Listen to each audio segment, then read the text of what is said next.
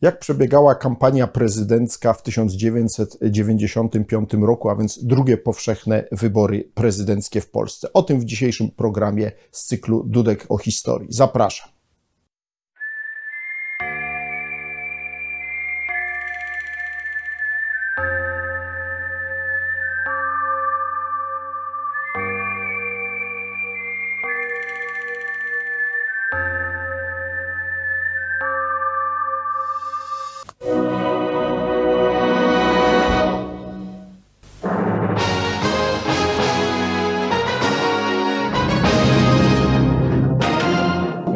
RMF zbierało podpisy na Batmana, zbierał, zebrało bodaj 20 tysięcy i tak patrząc właśnie, przysłuchując się Panu, odnoszę wrażenie, że to między innymi na Pana zbierali te podpisy.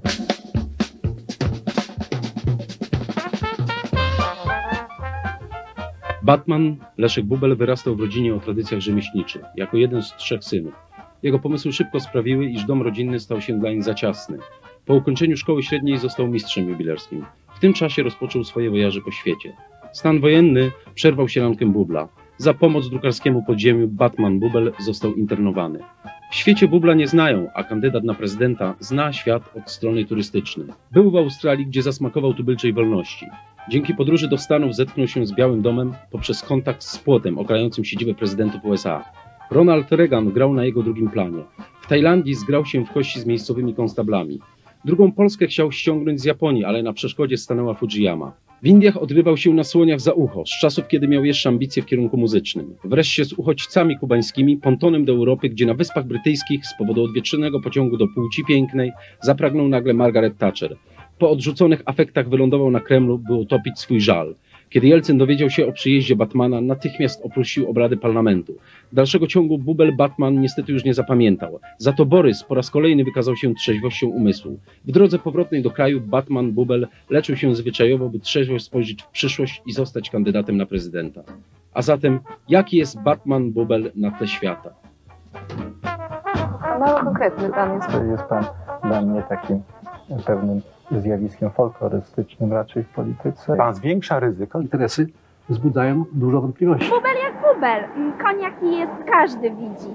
E, Nie mam nic przeciwko konikom, a banda dziennikarzy w studio to d- jaki świat nie widział. Jestem romantykiem i zarazem realistą. Tak jak powiedział marszałek Polski Józef Piłsudski. Nasza walka z wszechobecnym bezprawiem, ze zdemoralizowanym przez 50 lat wymiarem sprawiedliwości, zyskuje coraz większą aprobatę społeczną. W wielu sprawach jesteśmy w stanie pomóc, inne mogą zostać upublicznione. Tylko wspólnie możemy przyczynić się do zmiany istniejącego stanu rzeczy. Liczę na Państwa głosy w dniu 5 listopada. w imieniu byłych sportowców, których stanowimy liczne grono piwoszy w naszym kraju, apeluję. Głosujcie na naszego kandydata. Zdrowie Leszka Bubla.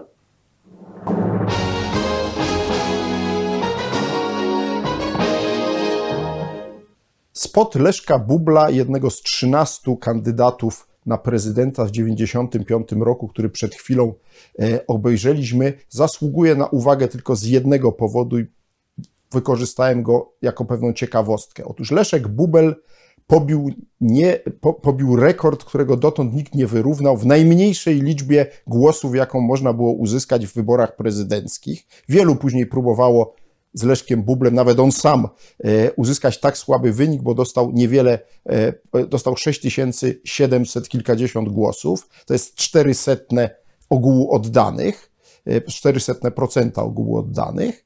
E, Natomiast e, rzeczywiście nikomu się to dotąd nie udało. E, I to jest, myślę, najciekawsze w tej historii, oczywiście dość kuriozalnego kandydata. Było ich więcej, ale nie o nich dzisiaj tu będzie mowa. Będę mówił oczywiście o tych najważniejszych kandydatach, choć nie od razu było jasne, że e, w drugiej turze wyborów prezydenckich w 1995 roku spotkają się e, Kwaśniewski i Wałęsa. Pozornie tak być powinno, bo Aleksander Kwaśniewski, lider Sojuszu Lewicy Demokratycznej, w sondażach od właściwie początku roku 95, e, co widzimy na e, wykresie, był niekwestionowanym królem tych sondaży. Ale jak Państwo widzicie, drugą z linii na tym wykresie, poparcie dla Lecha Wałęsy nie od razu wyglądało tak dobrze. W sondażach z wiosny 95 roku y, Wałęsa zajmował trzecie, czwarte, czasem nawet w najgorszym scenariuszu dla siebie piąte miejsce. Kto zatem zajmował e, e, szansę, to drugie, trzecie miejsce w sondażach? Otóż przede wszystkim e, byli to tacy politycy jak kandydat Unii Wolności Jacek Kuroń i kandydatka grupy partii prawicowych na czele ze Zjednoczeniem Chrześcijańsko-Narodowym Hanna Gronkiewicz-Walc. Obejrzmy spoty najpierw Jacka Kuronia.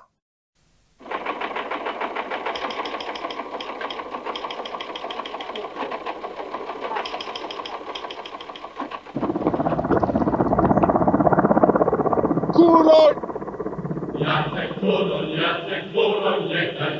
nam. Niech żyje nam, niech żyje nam. Patriotyzm nakłada na człowieka obowiązek służenia ojczyźnie takich warunkach, w jakich żyjemy. Więc dziś nasz patriotyzm to jest pat- patriotyzm wielkiego gospodarczego rozkwitu, wielkiego gospodarczego rozwoju. To jest patriotyzm tego, żeby to dotyczyło każdego, a nie tylko niektórych. I o jednym proszę jednak pamiętać. Jesteśmy ma- najmarniej 10 kilometrów przed metą tego maratonu.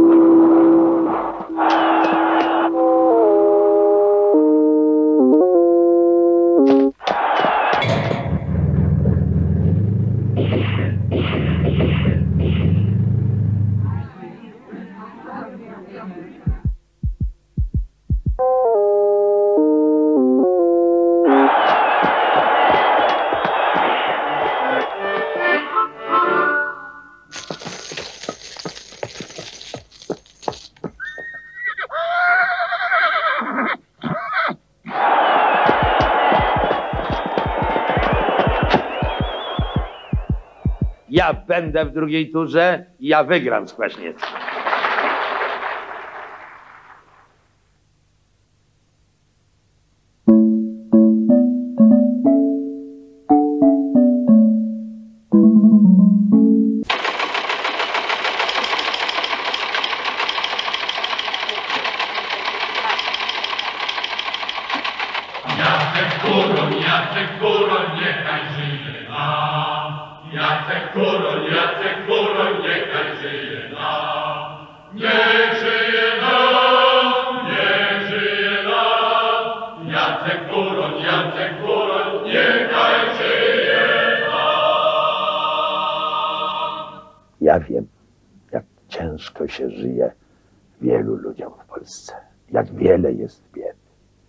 Tymczasem w ciągu minionych sześciu lat wielkim wysiłkiem społeczeństwa udało się osiągnąć taki przyrost produkcji, który stawia nas w czołówce krajów europejskich, daleko przed innymi krajami postkomunistycznymi.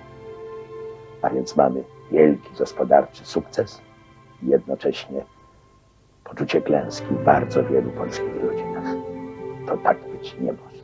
To znaczy, że państwo, w państwie coś jest chorego i zmiany są konieczne. Wiem, jakie są te, te zmiany i wiem, jak ich dokonać. Jak żaden z polskich polityków potrafię doprowadzić do porozumienia różnych skonfliktowanych grup składających się na społeczeństwo polskie sprawić, aby umilkł jazgot kłótni, a nastąpiła intensywna, harmonijna współpraca wszystkich demokratycznych instytucji i całego społeczeństwa. Umiem tego dokonać. I dlatego kandyduję na urząd prezydenta Rzeczypospolitej Polskiej. Potrzebujemy prezydenta, który by docenił polską inteligencję i takim w moim przekonaniu jedynym człowiekiem jest Jacek Kuroń. Będę głosować na Jacka Kuronia, bo spośród kandydatów jest dla mnie jedynym porządnym człowiekiem. Głęboko wierzę, że Jacek Kuroń dokończy w Polsce wielkie ustrojowe reformy. Wiem, że Jacek Kuroń zagwarantuje mi wolność gospodarczą, która może pozwoli mi za parę lat dołączyć do tak zwanej klasy średniej. Jest to najlepsza kandydatura w dobie budowy nowego ładu w Polsce. I mam do niego zaufanie zarówno jako do człowieka, jak i jako do polityka. Dlaczego na Kuronie? Dlatego, że Kuroń myśli o nas, o Polakach, a w ostatniej kolejności myśli o sobie. Muszę powiedzieć, że Jacek straszliwie mi się podobał jako wódz. Zagłosuję na Jacka Kuronia, dlatego że jest w porządku facet i nie kwasi. Dlaczego Jacek Kuroń? Bo jest najlepszym kandydatem, bo jest kandydatem Unii Wolności i bo będzie normalnym prezydentem normalnego kraju.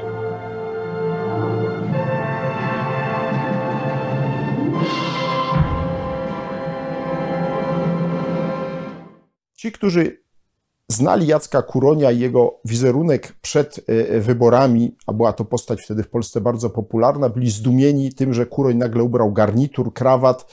I to był, wydaje się, jedna z przyczyn, dla których Kuroń, choć cieszył się wtedy bardzo dużym e, poparciem, czy właśnie bardzo dużym zaufaniem e, w badaniach, był obdarzany znacznie większym zaufaniem niż Wałęsa czy Kwaśniewski nawet, jednak ostatecznie w tych wyborach nie zdołał uzyskać zadowalającego wyniku. Nie tylko garnitur oczywiście o tym przesądził. Kuroń miał w trakcie kampanii wyborczej wypadek na rowerze.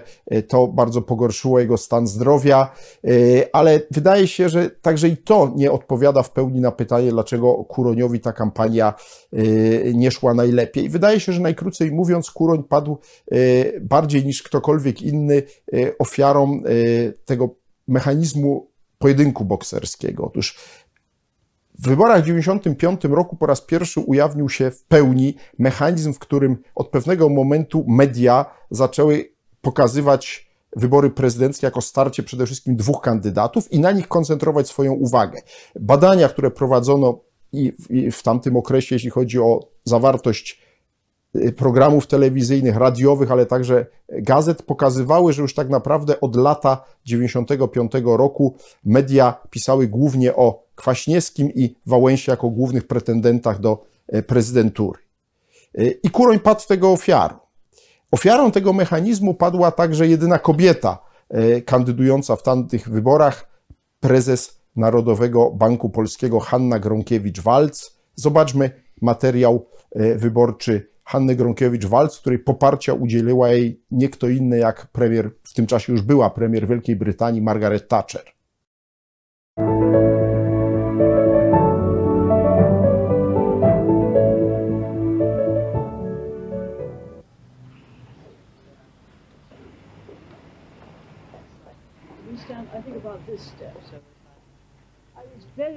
Z wielką przyjemnością widzę panią Hannę Gronkiewicz-Walc. Wiem, że prowadzi politykę zdecydowaną i zdrową.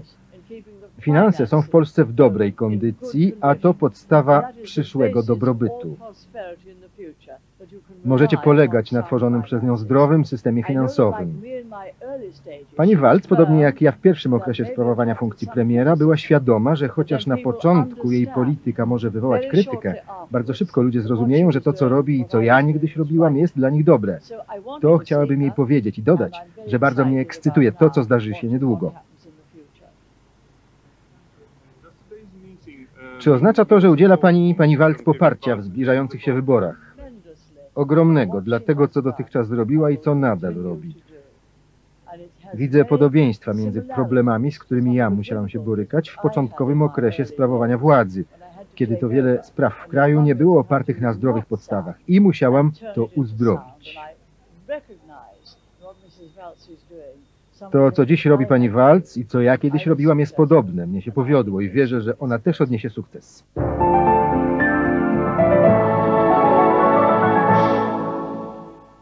Otóż przede wszystkim ja uważam, i to było moją motywacją, żeby prezydentura miała charakter zawsze z zapleczem politycznym. Ja sobie nie wyobrażam, żeby prezydent mógł funkcjonować bez zaplecza politycznego. Ono na początku nie musi być duże, ale musi dbać, żeby je powiększać. Wszędzie w świecie, w nowoczesnych demokracjach prezydent nie działa jako single. Jak y, pani często zmienia zdanie, bo jak słyszałem, to pani powiedziała, gdy Lechu będzie startował, pani ustąpi.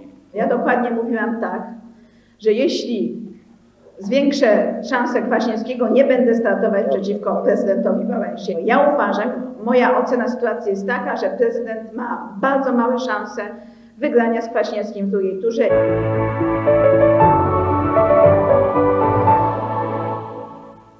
Poparcie Thatcher nie pomogło Gronkiewicz-Waltz, co więcej zaszkodziła jej e, e, kampania prowadzona przeciwko niej przez Radio Maryja.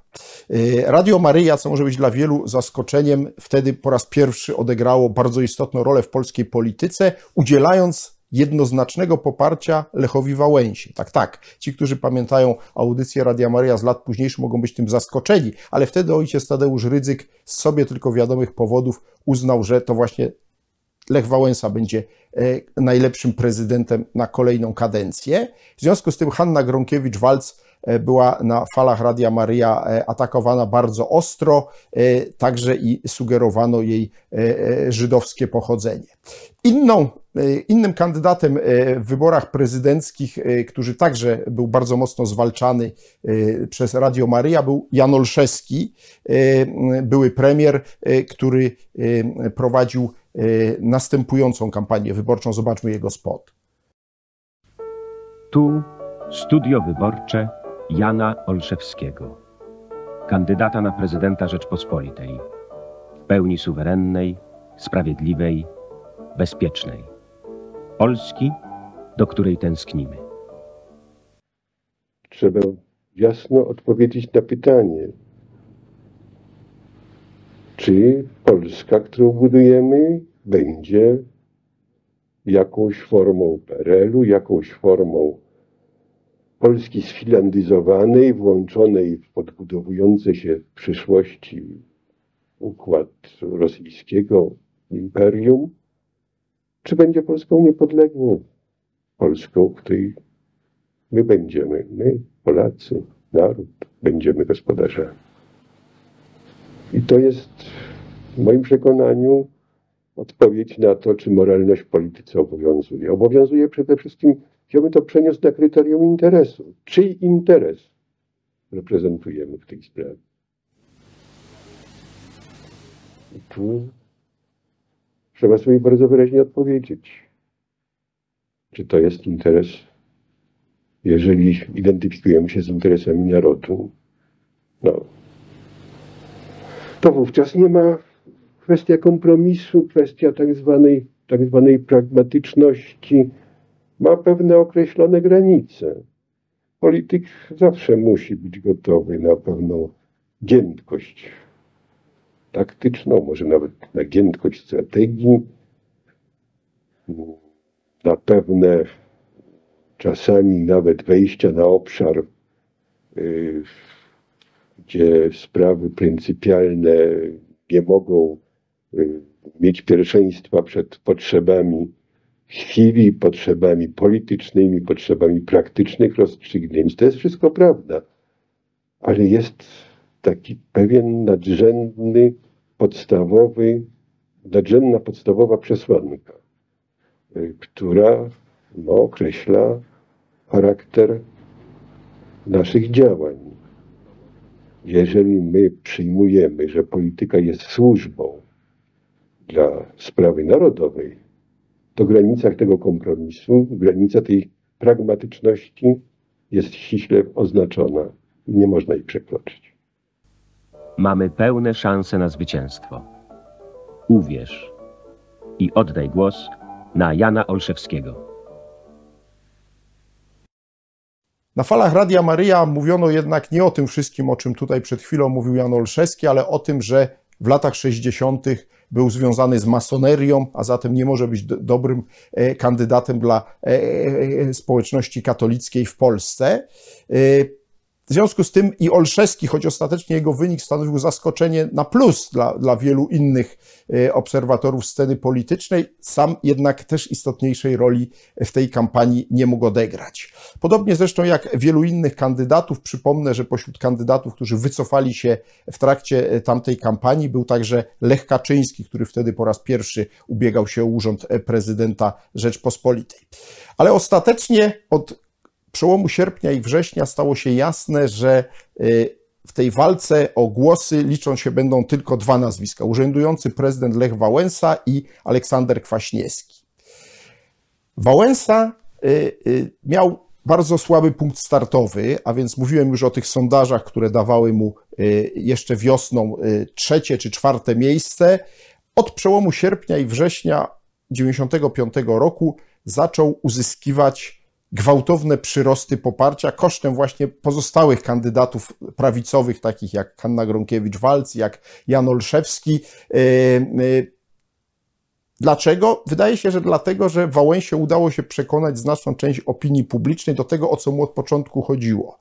Że jest jedynym skutecznym kandydatem czy kontrkandydatem dla Kwaśniewskiego, a więc politykiem, który będzie w stanie zatrzymać ofensywę postkomunistów, której pierwszym przejawem była zmiana na stanowisku premiera, y, której, która nastąpiła w marcu 1995 roku. Przypomnę, o czym mowa w jednym z innych programów z cyklu Dudek o historii. Wtedy miejsce Waldemara Pawlaka zajął Józef Oleksy. Wprawdzie Wałęsa liczył, że tym premierem zostanie Kwaśniewski, co ostatecznie e, ułatwiłoby mu ataki, ale i Oleksemu e, dostało się od Wałęsy bardzo mocno, e, zwłaszcza po tym, jak Oleksy udzielił kuriozalnego wywiadu jednej z rosyjskich gazet w kwietniu 1995 roku, w którym rozwodził się na temat radości, jaką panowała rzekomo w Polsce w 1945 roku, kiedy została wyzwolona przez Armię Czerwoną i wyrażał chęć wyjazdu do Moskwy na uroczyste 50. obchody y, zwycięstwa Armii Czerwonej nad III Rzeszą. Wałęsa nazwał to targowicą, zdradą y, i Dalej przez kolejne miesiące prowadził kampanię w duchu bardzo wojowniczego antykomunizmu. I to, jak się wydaje, do pewnego momentu Wałęsie rzeczywiście y, pomagało. Natomiast musiał się zmagać z problemami natury organizacyjnej, z problemami wynikającymi z faktu, że tej kampanii y, miał bardzo słabe zaplecze organizacyjne. Paradoksalnie poza BBWR-em i niewielkim stronnictwem narodowo-demokratycznym żadna istotna partia nie chciała popierać Wałęsy. Co więcej, y, y, próbowano przez pewien czas wyłonić kontrkandydata wspólnego całej prawicy przeciwko Wałęsie i tak doszło do powstania słynnego konwentu świętej Katarzyny, nazwanego tak od kościoła świętej Katarzyny w Warszawie na Służewiu, gdzie pod patronatem tamtejszego proboszcza księdza Maja kilku przedstawicieli, przedstawiciele różnych prawicowych organizacji, ale także Związku Zawodowego Solidarność próbowali uzgodnić jakiegoś kandydata na prezydenta, który nie byłby Wałęsą. Otóż y, trzeba powiedzieć jasno, y, konwent świętej Katarzyny skończył się katastrofą. Dlaczego? Dlatego, że nie przyjęto czytelnego regulaminu i po pewnym etapie sporów ostatecznie zarówno Gronkiewicz, Walc, jak i Olszewski ogłosili, że to oni wygrali y, prawybory w konwencie świętej Katarzyny a zatem skończyło się kompromitacją y, i konwent świętej Katarzyny na długie lata stał się symbolem takiej polskiego pieniactwa, kłótliwości i niezdolności do y, y, osiągania jakiegoś racjonalnego kompromisu. A klęska konwentu świętej Katarzyny paradoksalnie pomogła Wałęsie, no ale trzeba było jeszcze zebrać 100 tysięcy podpisów, żeby się zarejestrować, bo urzędującego prezydenta ten wymóg też obowiązywał i tu Wałęsie niestety z pomocą musiało przyjść wojsko. Tak, prezydent, który powinien dbać o apartyjność armii, apolityczność armii, jednak zbierał e, e, podpisy na rzecz swojej kandydatury po prostu w wojsku. Generalicja e, została zadaniowana i rzeczywiście znaczną część podpisów popierających Wałęsę zebrano w 1995 roku w jednostkach wojskowych, a także w jednostkach istniejących jeszcze wtedy nadwiślańskich jednostek MSW.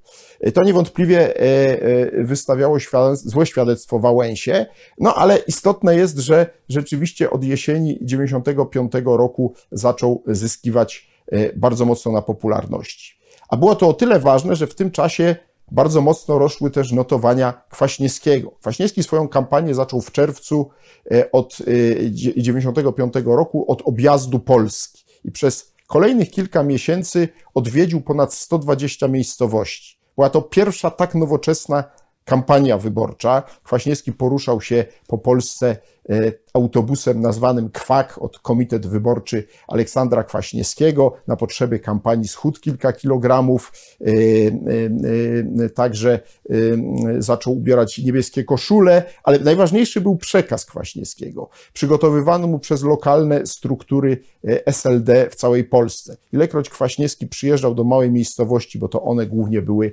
celem jego kampanii, tam przemawiał używając następujących argumentów. Zobaczmy spot Kwaśniewskiego. Ole, ole, Olek, ole, ole, Olek. Ole, Olek, wygraj, ole, Olek, na prezydenta tylko ty. Media mnie nie popierają. Kościół wielokrotnie mówił, że wszystko byle nie ja. Powstały nawet specjalne inicjatywy, które mają odstręczać od mojej osoby. Działają salony warszawskie, które również czynią wszystko, co możliwe, żebym tylko nie, nie wygrał. Mnie chcą wybrać ludzie. Mnie chcą wybrać ludzie. Przyszłość po raz ty. Po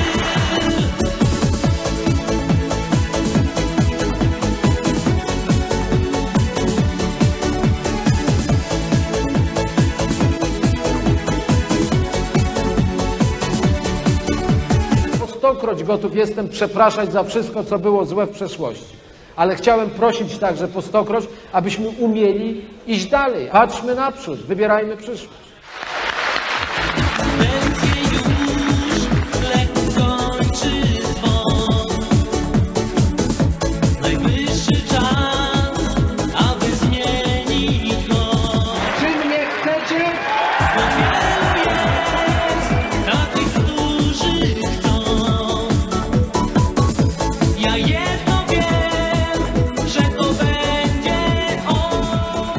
Pana Aleksandra Kwaśniewskiego poznałem y, osobiście, jak był ministrem sportu. Y, Nawet wręczał mi odznakę zasłużony mi sportu. Poznałem go jako dobrego gospodarza w dziedzinie sportu i myślę, że w tej chwili, jak będzie prezydentem, też będzie dobrym gospodarzem dla całego kraju.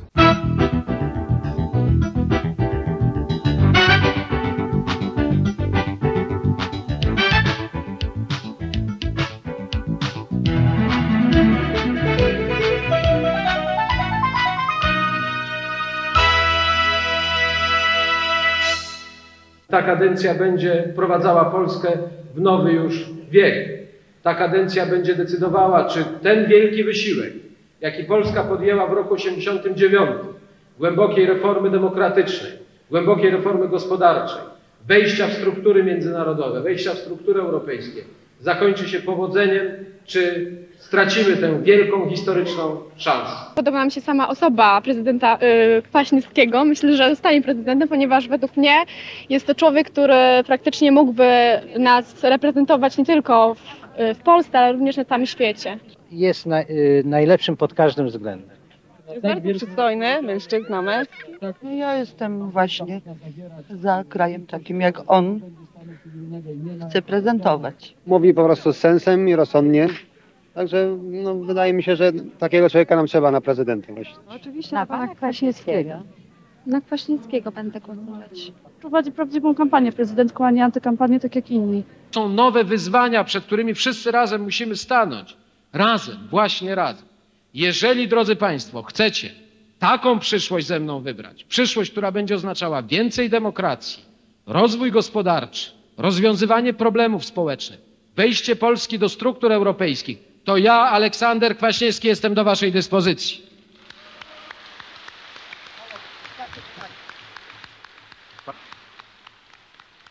Ponieważ zbliżamy się do końca tej kampanii, korzystam z okazji, aby podziękować tysiącom ludzi w Polsce, setkom tysięcy moich sympatyków, którzy poparli mnie swoimi podpisami, tym, którzy swoją życzliwością każdego dnia dodawali i mnie jako kandydatowi, i mojemu sztabowi wiele otuchy.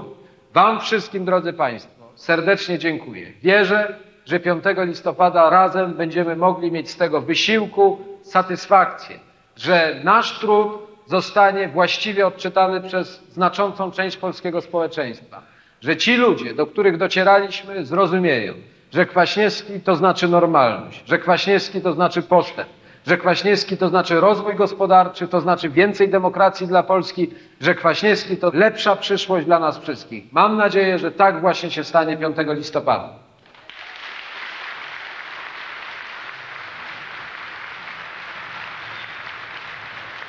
Dziękuję Państwu. Dziękuję Państwu, jesteście wspaniali. 5 listopada wybieramy razem przyszłość. Dziękuję Wam. Ja nie umiem zmieniać przyjaciół.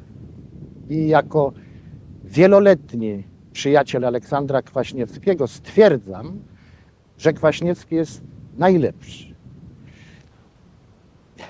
Nie stwierdzam, że jest najlepszy, dlatego że jestem jego przyjacielem. Jestem jego przyjacielem, bo jest najlepszy. To wszystko.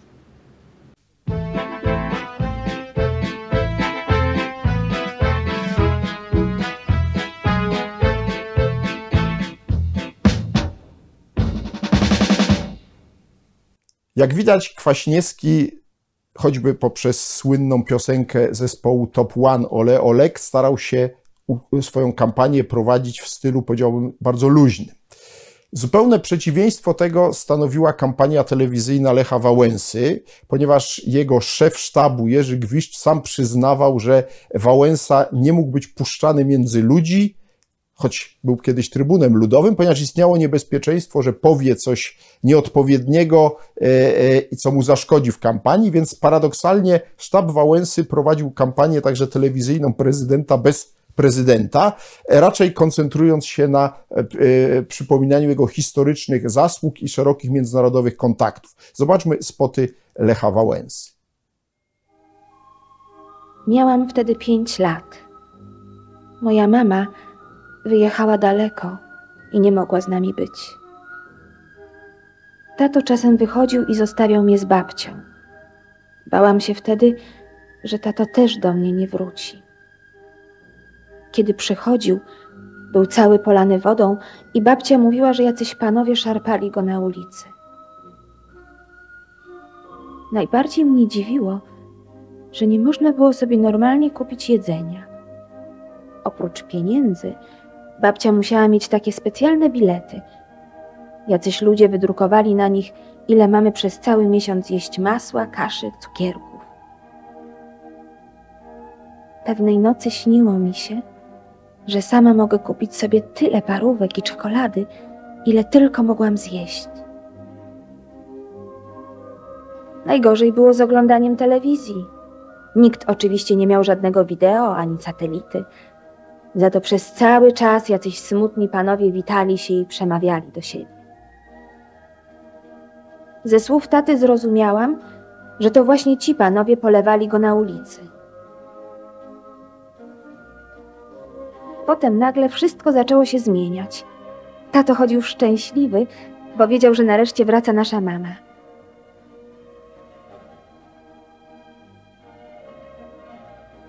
Niedawno skończyłam 18 lat i chyba pójdę głosować. Jeden pan ciągle przekonuje, że bardzo mnie lubi.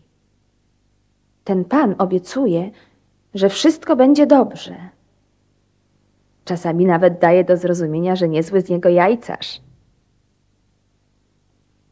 Niestety nie mogę pomóc temu panu. Przypomniałam sobie, że znam go od dawna z telewizji. Ten pan był przecież z tymi panami, którzy polewali i szarpali mojego tatę. A poza tym, ja w dalszym ciągu bardzo lubię czekoladę.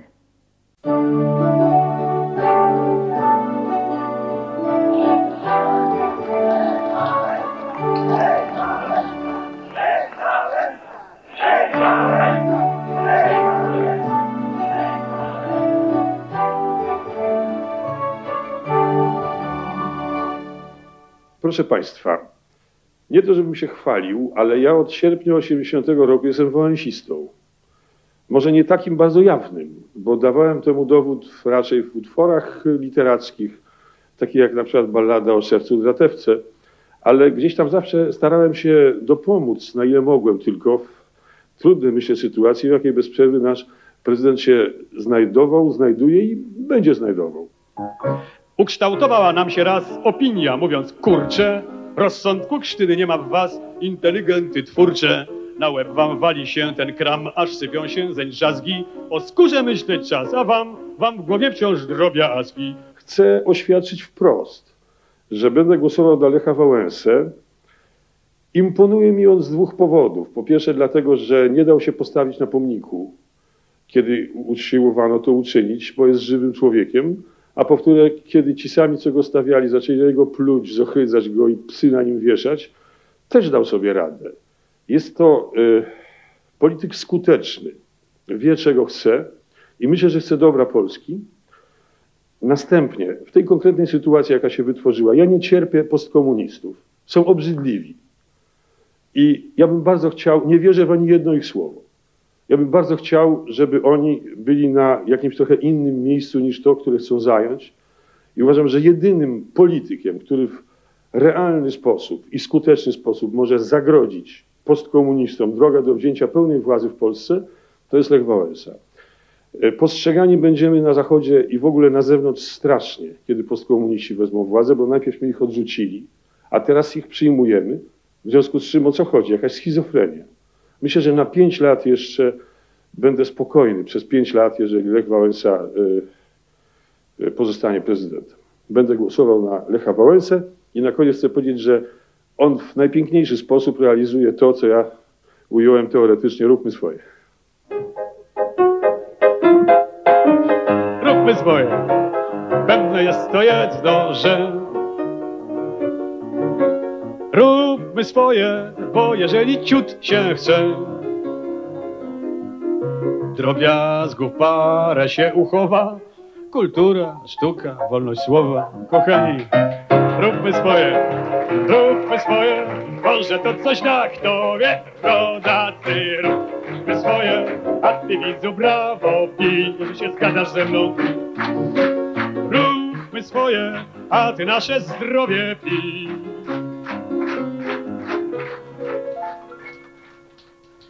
Nie jedną jeszcze paranoję przeczekać przyjdzie, robiąc swoje, kochani, róbmy swoje, róbmy swoje, żeby było na co, żeby było na co, żeby było na Kandydatów jest wielu.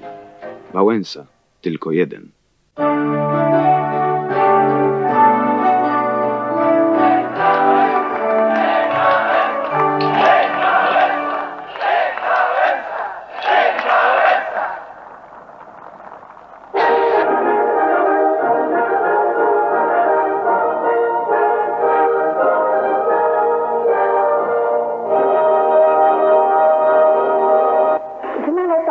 Powody, dla których nie mogłem przybyć do Waszej stolicy, aby odebrać tę zaszczytną nagrodę. My, naród. We, the people.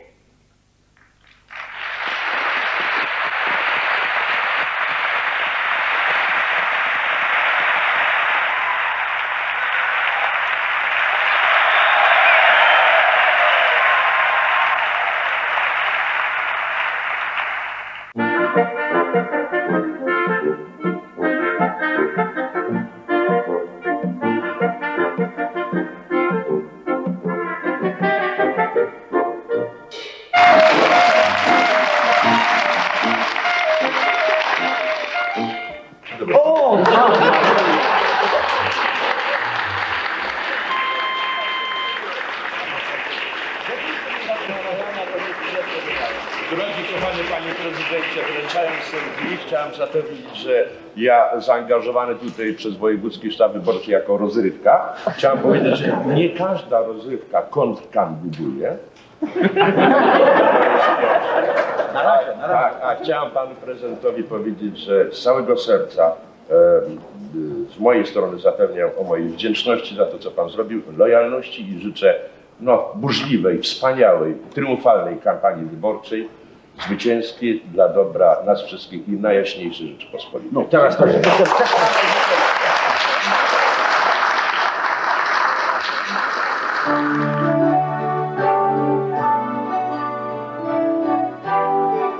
Kandydatów jest wielu. Wałęsa tylko jeden. Wyniki pierwszej tury nie były specjalnie zaskakujące. Widzimy je w tej chwili e, na planszy. Widać wyraźnie, jak bardzo Kwaśniewskiemu i Wałęsie udało się odbić od całej reszty osób pretendujących w tamtych wyborach do Urzędu Prezydenta Rzeczpospolitej. Przypominało to trochę dwóch kolarzy, którzy oddzielili się od, e, od pelet, reszty peletonu na e, kilka długości, bo przecież między 33% Wałęsy, a niewiele ponad 9% trzeciego w tym wyścigu prezydenckim Kuronia była ogromna przepaść. Było zatem jasne, że e, zarazem żaden z nich nie jest wyraźnym faworytem. Różnica między Kwaśniewskim a Wałęsą po pierwszej turze była minimalna i stało się jasne, że rozstrzygające znaczenie mogą mieć debaty telewizyjne. I o tym, jak ostatecznie doszło do przygotowania debat telewizyjnych, o, tak opowiadał szef sztabu Wałęsy Jerzy Gwiszcz. Wysłuchajmy jego relacji, której sam wysłuchałem kilka lat temu w jednym z programów telewizyjnych. No. Tak, proszę Państwa, no widzieliśmy No było- ostatnio scenę, ogromne emocje e, Lecha Wałęsy, ta scena, kiedy żegna się z e, uczestnikami debaty, ale Aleksandra Kwaśniewskiego omija. Z czego wynikało to ogromne zdenerwowanie prezydenta Wałęsy, pan Jerzy Gwiszcz? No więc to było tak, to trzeba w końcu wyjaśnić. E, O debatę zwrócił się do mnie pan Cimoszewicz. Bardzo usilnie nalegał, żeby te debaty się odbyły. Ja byłem tym debatom przeciwny.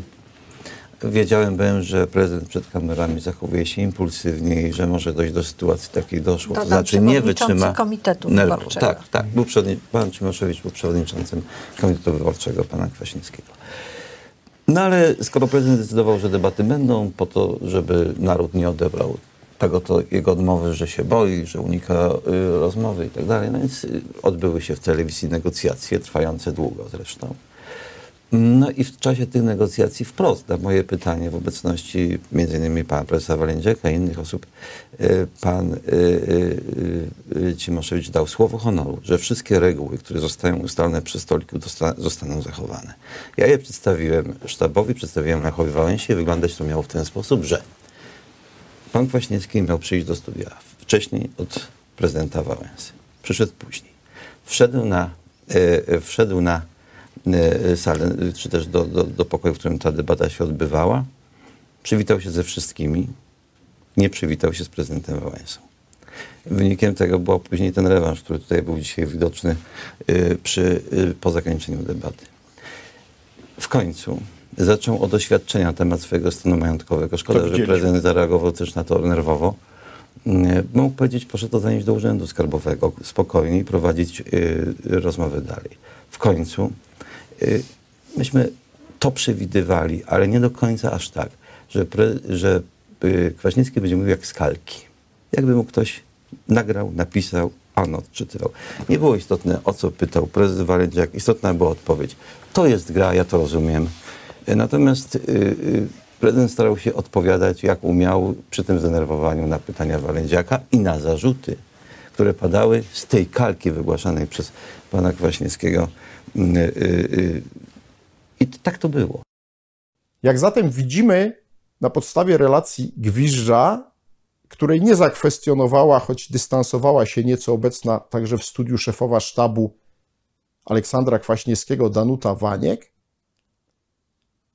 Kwaśniewski za punkt wyjścia przed debatą telewizyjną postawił sobie wyprowadzenie Wałęsy z równowagi. I to, co nastąpiło w pierwszych minutach debaty, było już tylko taką kropką na D. Chodziło tu mianowicie o gest Kwaśniewskiego, który zaraz na początku wstał i rzucił swoje oświadczenie majątkowe Wałęsie na pulpit. To miało do reszty rozsierdzić Wałęsę i rzeczywiście także razem z tym zachowaniem jeszcze przed rozpoczęciem transmisji osiągnęło swój cel. Wałęsa ewidentnie stracił kontrolę nad sobą i w efekcie debata, której fragmenty teraz Państwo e, zobaczą, e, okazała się jego ogromną klęską. Zobaczmy.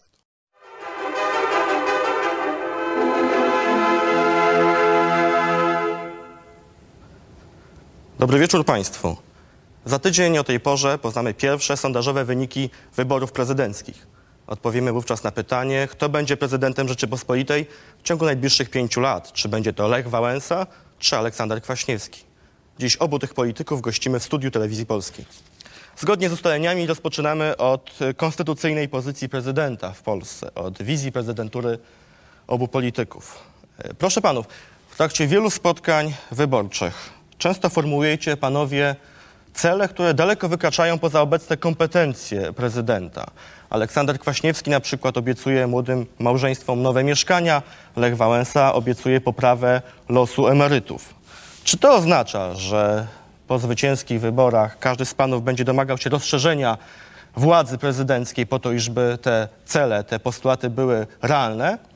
Czy też te postulaty umrą śmiercią naturalną 19 listopada? Bardzo proszę, pan Aleksander Kwaśniewski. Szanowni Państwo, ta debata rzeczywiście powinna być debatą o najważniejszych sprawach Polski myślę, że taką będzie, ale żeby tak się stało, należy oczyścić przedpole. Od kilku tygodni jestem obiektem ataków, także moja żona. Są to ataki niesprawiedliwe. Jestem osobą uczciwą i chciałbym, żeby ta uczciwość nie podlegała jakiejkolwiek dyskusji.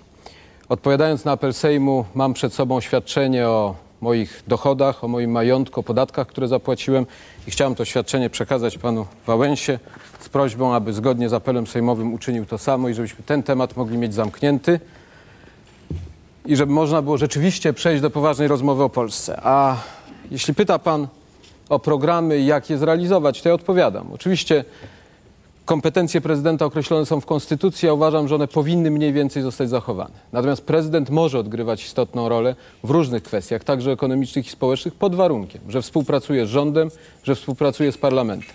Ja chcę być prezydentem, który będzie współpracował. Mam taką szansę, ponieważ większość parlamentarna, która dzisiaj jest w polskim Sejmie, jest taką większością, z którą wyobrażam sobie skuteczną współpracę i rozwiązanie takich także problemów jak mieszkania dla młodych ludzi. Sądzę, że jest to mój atut, a nie wątpliwość. Właśnie duży klub Sojuszu Lewicy Demokratycznej, właśnie większość parlamentarna. Możemy nie tracić czasu, możemy te problemy rozwiązywać. Pan Kwaśniewski zaczął od tego, że chce wyczyścić przedszko- przedpole. Bardzo się cieszę. Tylko, że wyczyszczania przedpola wymaga jeszcze inna sprawa. E, Pan Kwaśniewski zaproponował mi spotkanie telewizyjne. Ja się na to zgodziłem. Ale pan, pan Kwaśniewski w swoich wystąpieniach i, i, i ludzie e, postkomuniści od pana Kwaśniewskiego bardzo mocno obrażali prezydenta. Sam pan Kwaśniewski obrażał rodzinę prezydenta, grzebał w życiorysach. I dlatego ja myślałem, że przedpole zacznie od przeproszenia za nikczemne podchodzenie do spraw, za, za nieuczciwe e, prowadzenie kampanii. I takie wyczyszczenie przedpola byłoby właściwym. Br- Obrona swoj, swojego tylko ja jest, jest chyba niewłaściwym czyszczeniem przedpola. I dlatego ja, jeśli chcemy rozmawiać poważnie, to chciałbym, aby pan jednak przeprosił za obrażenie prezydenta, e, za, za takie stwierdzenia e, pańskich ludzi, że wstydzą się za prezydenta i tak dalej. Wie pan, e, wtedy będę z panem poważnie rozmawiał. Bo inaczej to uważam, że pan jest niepoważnym politykiem i w związku z tym e, nie wiem właściwie o czym będziemy rozmawiać. Czy w Polsce, zdaniem panów, przy obecnym systemie prawa e, takie akcje jak akcja Czyste Ręce mogą przynosić realny efekt? Jak zmienić coś, żeby te akcje były skuteczne? Pan Aleksander Kwaśniewski. Prezydent, korzystając ze swoich uprawnień dotyczących Ministerstwa Spraw Wewnętrznych, służb specjalnych, powinien bardziej skupić się na przeciwdziałaniu e, przestępczości, szczególnie zorganizowanej, tej, która także przyjeżdża z zagranicy, a może w mniejszym stopniu, że tak powiem, zajmować się przeciwnikami politycznymi albo samą czystą e, polityką. Otóż wydaje się, że w tych sprawach, jeżeli udałoby się e, przedstawić ustawy, przedstawić projekty działań i współpracować, podkreślam bardzo mocno, współpracować z rządem, z parlamentem, to skutki mogą być widoczne y, niedługo, ale to musi być działanie wspólne, także z udziałem samorządów lokalnych, bo kwestia bezpieczeństwa w miastach, na wsi to jest także duże, duże zadanie samorządów lokalnych. I ja chciałbym osobiście, gdybym zwyciężył, uczynić z tego jedno z najważniejszych zadań prezydenta. Lech Wałęsa. No proszę Państwa, to znów wysłu- wysłuchaliśmy jakichś zbożnych życzeń, bajeczek, które nie mają w ogóle, w ogóle e, miejsca w Polsce i nie przypuszczam, by, by miały, jeśli, jeśli konstytucja będzie tak pisana przez pana Kwaśniewskiego, czy redagowana, jak jest redagowana. Od, na czym polega nadzór prezydenta w tych sprawach? Oczywiście od, odpowiada w stwierdzeniu, że odpowiada za bezpieczeństwo wewnętrzne i zewnętrzne. A jaka to jest odpowiedzialność, jeśli pieniądze to rząd? Jaka to jest odpowiedzialność, jak, jak odwołanie to rząd, a nie prezydent kogokolwiek? Mało tego, ja tylko, tylko biorę udział w powołaniu ministra spraw wewnętrznych, a już UOP powołuje sam minister, na, y, znaczy nie premier, na wniosek ministra. A więc, a już, ja już nie mówię o wiceministrów i tych innych, których w ogóle powołuje premier. A więc System nasz cały jest tak zredagowany, by był mętlik i bałagan, by nie wiadomo było, kto za co odpowiada. I w tym, zna- i w tym znaczeniu znów postkomuna robi wszystko, by ten bałagan w dalszym ciągu trwał. Proponowałem bardziej czytelne rozwiązania, ale jak na razie nie wychodzą. Wychodziłyby w, w systemie prezydenckim, ja nie wiem, no, no bo znów, pan, pan Kwaśniewski opowiada jak pierwszy sekretarz który właściwie wszystko może, on, on coś tu zadziała, on coś tu poprawi. Ja się pytam, no, w jakiej konstytucji? Czy w tym układzie, który ja teraz mam, a właściwie żadnego, żadnego nadzoru, żadnej kontroli, żadne, nic A nie ile mam? ustaw w tej sprawie Proszę pan pana, zgłosił? Zaraz, ustawy to inna sprawa, możemy mówić o ustawach i zaraz panu Ile pokażę ustaw pan zgłosił? Panie, ja panu nie przeszkadzam, ma pan kulturę, pan mówi, że pan ma kulturę i wykształcenie, pan ma ani, ani jednego, ani drugiego, tylko papierki pan ma o jakimś tam, wie pan, o wykształceniu. Proszę pana, więc dlatego nie opowiadaj pan derdymałów, bo to nie jest taka prawda. W układzie obecnym właściwie prezydent oprócz, oprócz symboli i haseł nie ma nic i pan stara się, żeby nie miał nic. Natomiast nie możemy, nie możemy powiedzieć, co będzie, jeśli będzie konstytucja, bo jeśli będzie system w konstytucji zapisany prezydencki, a to wtedy będzie inaczej to wszystko ułożone i rzeczywiście prezydent będzie mógł zrobić wię- więcej. Poproszę teraz panów o podsumowanie dzisiejszego spotkania. Jako pierwszy głos zabierze pan Aleksander Kwaśniewski. Pan Lech Wałęsa po raz kolejny wykazał, że jest człowiekiem przeszłości. Ilość jego wezwań do komuny, postkomuny, trybuny ludu wskazuje, że właściwie nie jest w stanie bez odwoływania się do tamtego okresu ani żyć, ani działać, ani politykować. Ja proponuję Państwu jednak iść naprzód, pamiętać o przeszłości, rozliczyć tych, którzy byli przestępcami, zbrodniarzami, ale jednak przede wszystkim myśleć o tym, co zrobić, żeby Polska była bardziej demokratyczna, żeby miała nową konstytucję, żebyśmy zapewnili rozwój gospodarczy, który będzie pomocą dla ludzi, dziś bezrobotnych, dla tych ubogich, dla tych emerytów czekających na wyższe emerytury i dla młodych ludzi, którzy chcą mieć jasną perspektywę w swojej przyszłości. Sądzę, że to jest droga, którą należy pójść. Dalsze dyskutowanie o przeszłości, o rozliczeniach jest oczywiście próbą skierowania Polski na zły tor, na tor, w którym stracimy wiele czasu, podzielimy dodatkowo polskie społeczeństwo, podzielimy wobec bardzo historycznych kryteriów, które odgrywają coraz mniejszą rolę, które nie są już tak ważne, jak były lat temu 5 czy 7. Dlatego raz jeszcze mam śmiałość zwrócić się do Państwa, aby wybierać przyszłość, aby pamiętać, że prezydent jest konkretnym człowiekiem, który powinien pomóc w rozwiązaniu konkretnych spraw. Dość deklaracji, dość zawracania głowy przez społeczeństwu, przez prezydenta niedojrzałymi pomysłami, niezrozumiałymi deklaracjami. Pora na pragmatyzm, pora na to, abyśmy proponowali konkretne decyzje, konkretne ustawy i działania, które rzeczywiście Polskę wprowadzą do Europy w XXI wieku. Ja dlatego chciałbym powiedzieć tyle jeszcze.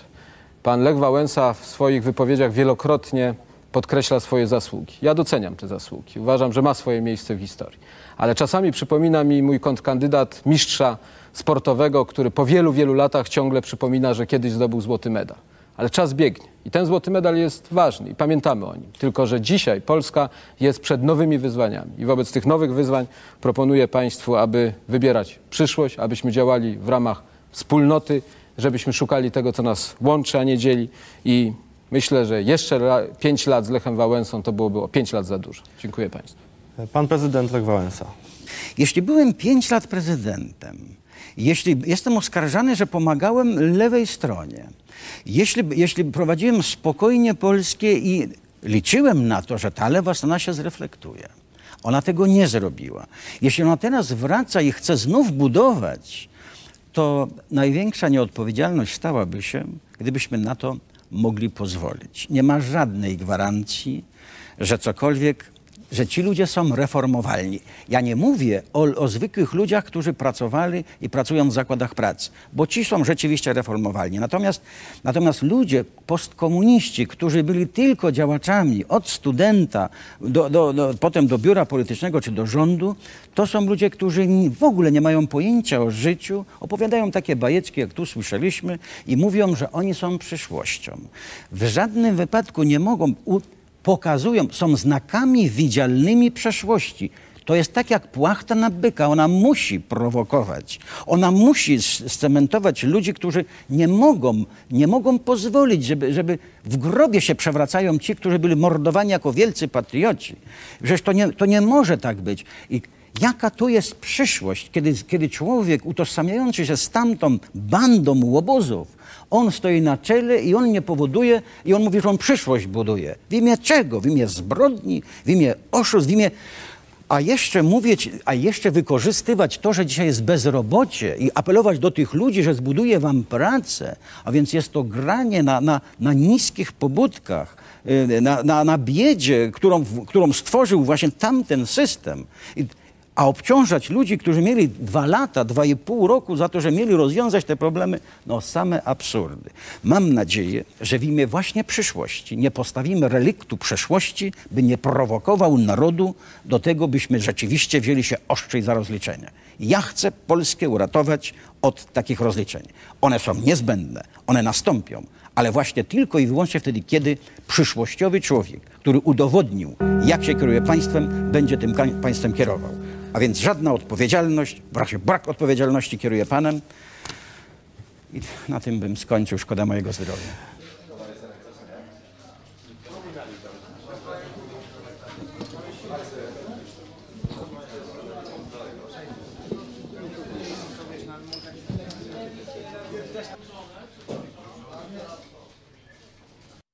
Po tej debacie przeprowadzono badania, z których wynikało jasno, że także wśród swoich zwolenników, a więc ludzi, którzy mówili tak, będziemy głosować na Wałęsę, zdecydowana większość uznawała, że Wałęsa gorzej wypadł w czasie tej debaty od Kwaśniewskiego.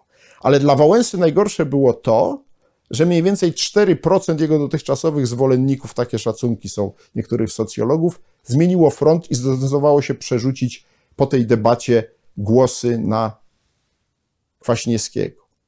Co więcej, Wałęsa miał jeszcze teoretycznie szansę na odwrócenie tego negatywnego trendu w czasie drugiej debaty, ale tutaj tak naprawdę z tej drugiej debaty, której był już spokojniejszy, znowu do pamięci powszechnej przebiło się tylko słynne ani B, ani me, ani kukuryku, które padło z ust Wałęsy i które też nie, nie, nie dało mu i przysporzyło mu zwolenników. Zobaczmy początek drugiej debaty. E, szanowni Państwo, ponieważ na poprzednim spotkaniu e, pan Kwaśniewski zmienił trochę zasady e, naszego spotkania, więc ja na chwilkę też postaram się zrobić to samo, ale tylko, tylko na chwilkę. Prowadziłem kampanię pozytywną, jak Państwo widzieliście na, na spotkaniach. Dopiero telewizyjne spotkanie z panem Kwaśniewskim, który na wstępie tego spotkania trzykrotnie zachował się nie fair, zburzyło ten obraz. Ja jestem zwolennikiem Nowego Testamentu, ale czasami stosuję też i Stary Testament. Zdegustowanych, przepraszam. Teraz do rzeczy. Chcę Państwu wyjaśnić, o co mi chodzi, gdy mówię o rozliczeniu PRL-u. Chodzi o wartości, zasady, które rodzice przekazują dzieciom. Dla Polaków Zawsze były to Bóg, honor i ojczyzna, patriotyzm, godność, chrześcijańska moralność. W PRL-u powiedziano nam, zerwijmy z przeszłością. Wybierzmy przyszłość, nowoczesność, porzućmy stare zasady. No i mieliśmy zamiast ojczyzny obóz socjalistyczny, zamiast Boga Lenina i Związek Radziecki, zamiast honoru partię.